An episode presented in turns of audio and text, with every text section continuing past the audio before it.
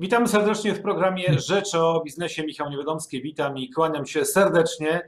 W piątek 21 sierpnia piękna, słoneczna pogoda i wydaje mi się, że dobry czas, żeby trochę porozmawiać o tym, w jaki sposób chronić nasze finanse, w jaki sposób dochodzić swoich praw przed instytucjami finansowymi, bo Państwa i moim gościem jest dzisiaj pan profesor Mariusz Jerzy Golecki, rzecznik finansowy. Dzień dobry, witam serdecznie panie profesorze.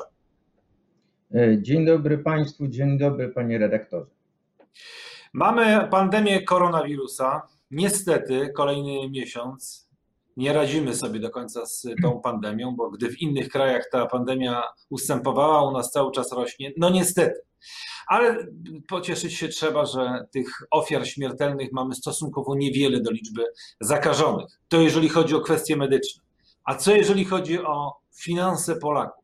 jak w tym czasie pandemii Polacy radzą sobie e, z finansami, ale w jaki sposób też korzystają z tych praw, które mają, bo są różnego rodzaju ułatwienia, wakacje kredytowe, etc.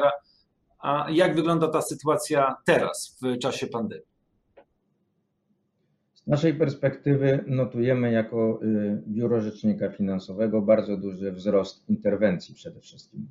Y, wzrost bardzo duży to znaczy wzrost o 100% w ciągu e, pierwszego półrocza mamy tyle interwencji, ile w całym 2019 roku. E, mamy także 150% wzrost liczby porad e, mailowych i telefonicznych. Dedykowaliśmy specjalne linie telefoniczne właśnie związane z problematyką COVID-u.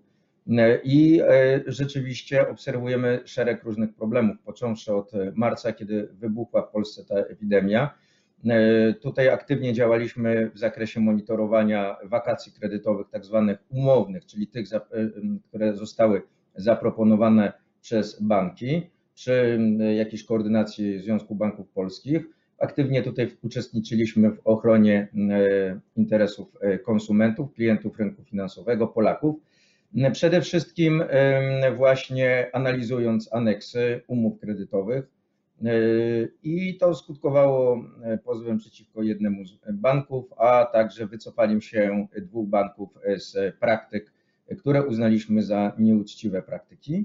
E, I można powiedzieć oczywiście, że teraz, kiedy te wakacje kredytowe dobiegają końca i konsekwencje odczuwają właśnie klienci, e, no znów notujemy wzrost liczby zapytań dotyczących tego, czy prawidłowo były rozliczane, czy też to procentowanie nie jest zbyt wysokie, to z pewnością jest problem.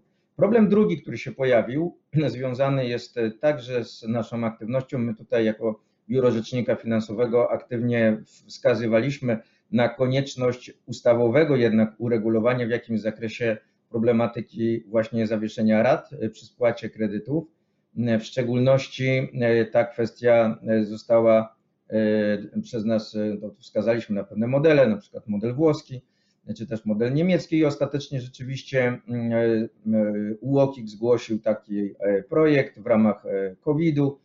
Ta ustawa także na etapie prac legislacyjnych zgłaszaliśmy szereg uwag, została przeprocedowana. No i tutaj znów pojawiają się wątpliwości dotyczące praktyki banków to znaczy na przykład tego, że nie informują one o wakacjach ustawowych, które są korzystniejsze dla klientów, bo klient tutaj na przykład nie ponosi kosztów e, spłaty e, oprocentowania. W sytuacji, w której jest do tego uprawniony, banki często, no, taka praktyka została zdiagnozowana, że mm, niestety, ale i docierają do nas takie informacje, że banki po prostu nie informują albo też starają się zawężać dostęp do tego właśnie rozwiązania. E, kolejna kwestia to jest e, oprocentowanie kredytów. To jest kwestia tak zwanego e, klauzuli minimalnego oprocentowania. W listopadzie, przepraszam, w lipcu zostało wydane orzeczenie 9 lipca przez Trybunał Sprawiedliwości Unii Europejskiej dotyczące właśnie tej kwestii, sprawa IBKH Banco. I to orzeczenie rozwiewa pewne wątpliwości dotyczące tego, w jakich warunkach w ogóle można zastrzec tą klauzulę minimalnego oprocentowania. Przyglądamy się temu, czy banki w rzeczywistości, e, jeżeli nawet zastrzegają tego typu klauzule, to jest to zgodne właśnie z tymi wytycznymi, e, które wynikają zarówno z dyrektywy właśnie dotyczącej nieuczciwych warunków, jak i także z naszych tutaj regulacji krajowych. Problem Wspominał jest istotny. Pan...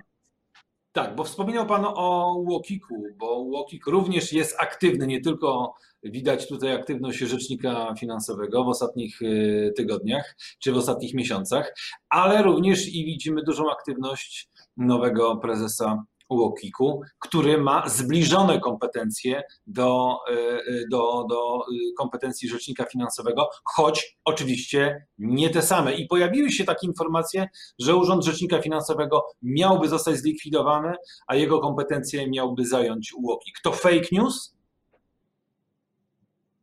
To znaczy, rzeczywiście informacja się pojawiła. Z tego co wiem, jakieś prace się toczą dotyczące projektu ustawy, która miałaby zmieniać kompetencje rzecznika, no, ale tu zwracam uwagę na dwie kwestie. Po pierwsze, y, różne pomysły dotyczące bądź to rozszerzenia, bądź wzmocnienia ochrony y, konsumentów w zakresie właśnie usług finansowych pojawiają się tak od samego początku, od kiedy istnieje właściwie rzecznik już ubezpieczony. Prawda?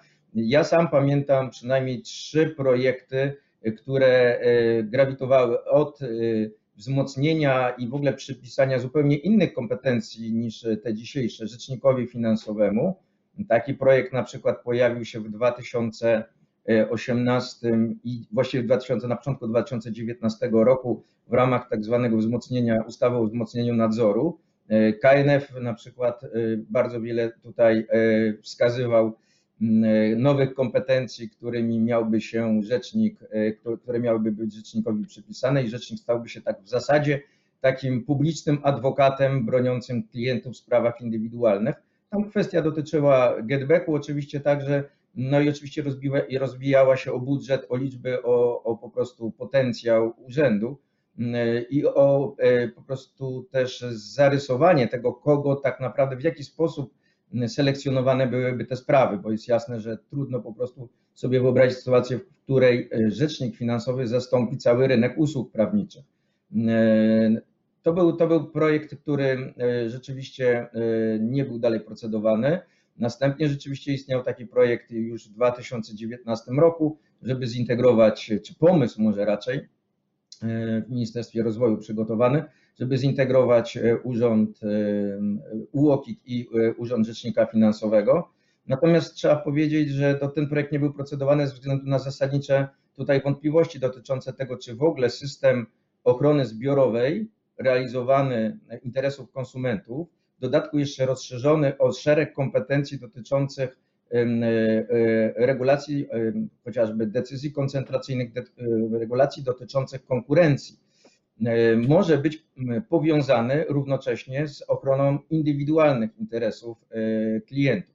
Zazwyczaj te dwie kwestie są e, rozdzielone.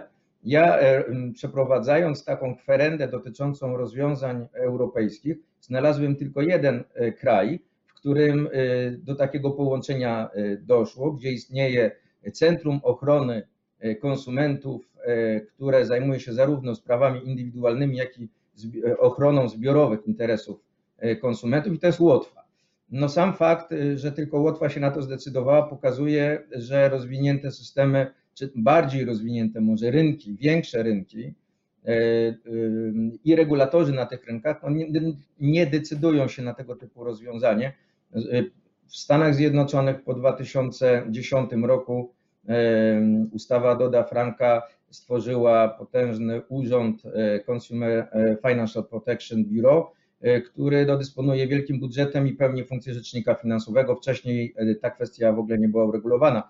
Tam nie ma jakby rzecznika praw obywatelskich w takim formacie, że tak powiem, z takimi kompetencjami, a rzecznik finansowy pełni funkcję właśnie bardzo, bardzo w sposób stanowczy i posiadając wielkie kompetencje jako agencja federalna. W Wielkiej Brytanii, dla przypomnienia, no, największy międzynarodowy rynek finansowy e, Financial, e, e, Financial Ombudsman Service, czyli rzecznik finansowy posiada bardzo duże uprawnienia, także w zakresie sądownictwa polubownego, mediacji, alternatywnego rozwiązywania sporów, co także ma miejsce w odniesieniu do rzecznika finansowego w Polsce. Trudno jest sobie wyobrazić, żeby zintegrować te trzy obszary, czyli sądownictwo polubowne i mediację, indywidualne wsparcie dla klientów, to co robimy, wsparcie, jak również reprezentowanie ich ewentualnie przed sądem w sprawach indywidualnych oraz ochronę zbiorowych interesów konsumenta, jeszcze w dodatku w zakresie wszystkich rynków.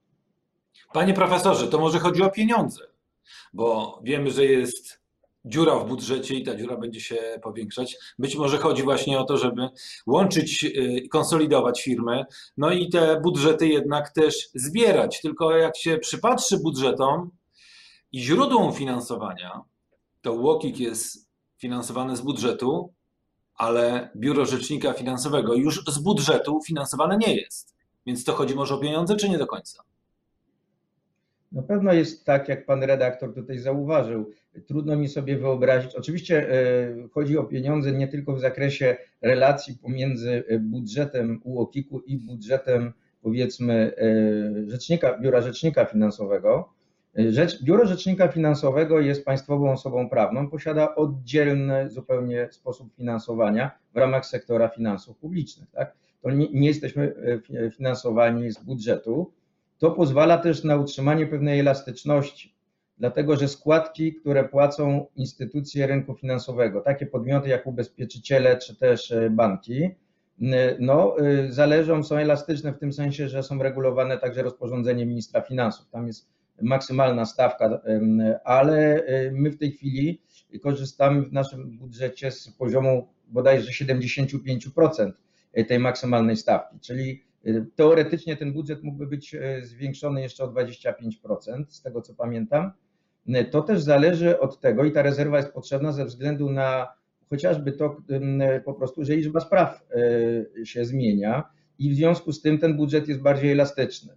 My jesteśmy w stanie bardziej elastycznie pomagać klientom, także interweniując i wtedy minister finansów, jeżeli brakuje środków, może podnieść tą składkę rozporządzeniem. Taki system przyjęto właśnie także w Wielkiej Brytanii. Tam e, e, Biuro Rzecznika Finansowego zatrudnia między 1,5 tysiąca a 3 tysiące pracowników w zależności od potrzeb. Chodzi o elastyczność, ponieważ wpływ jest bardzo spraw, jest bardzo trudny do przewidzenia. Jeżeli mamy do czynienia z aferą na dużą skalę, taką jak na przykład Getback czy wcześniej Amber Gold, no, w czasie, kiedy Amber Gold y, miał miejsce, nie było jeszcze rzecznika finansowego. To jest jedna z przyczyn, dlaczego ten urząd powstał. E, ale e, wyobraźmy sobie systemowy problem na rynku dotyczący dużej grupy e, klientów. Wówczas oczywiście po prostu my musimy zwiększyć zatrudnienie ekspertów. I trudno sobie wyobrazić realizację tego celu, czyli tej efektywności i elastyczności zachowania w ramach reżimu wydatków budżetowych, gdzie mamy sztywne limity etatowe po prostu. Z drugiej strony oczywiście te instytucje się znaczy tutaj mamy pewną elastyczność i e, w tym projekcie, który, o którym mówimy, ja tutaj znam go z, głównie z doniesień prasowych, ale pojawia się informacja o tym, że po prostu nasz budżet miał być włączony do budżetu państwa. No tu e, stanowić przychód budżetu państwa. No to oczywiście pojawia się kolejny problem dotyczący samego charakteru tych środków. E, instytucje finansowe mogą zacząć protestować. Tak, mamy do czynienia z nową daniną w tym momencie. No to jest skomplikowany proces. Nie chcę wchodzić w te szczegóły, bo jak mówię, nie znam Y, tych rozwiązań na tyle y, precyzyjnie tutaj, żeby się wypowiedzieć, ale widzę tutaj bardzo wiele problemów do rozwiązania, gdyby y, chcieć taką integrację przeprowadzić. Bardzo dziękuję za dzisiejsze spotkanie, bardzo dziękuję za rozmowę. Profesor Mariusz Jerzy Golecki, rzecznik finansowy był Państwa i moim gościem w programie Rzecz o Biznesie, Michał Niewiadomski. Dziękuję i do zobaczenia. Dziękuję bardzo. Do zobaczenia Państwu, do zobaczenia Panie Rektorze.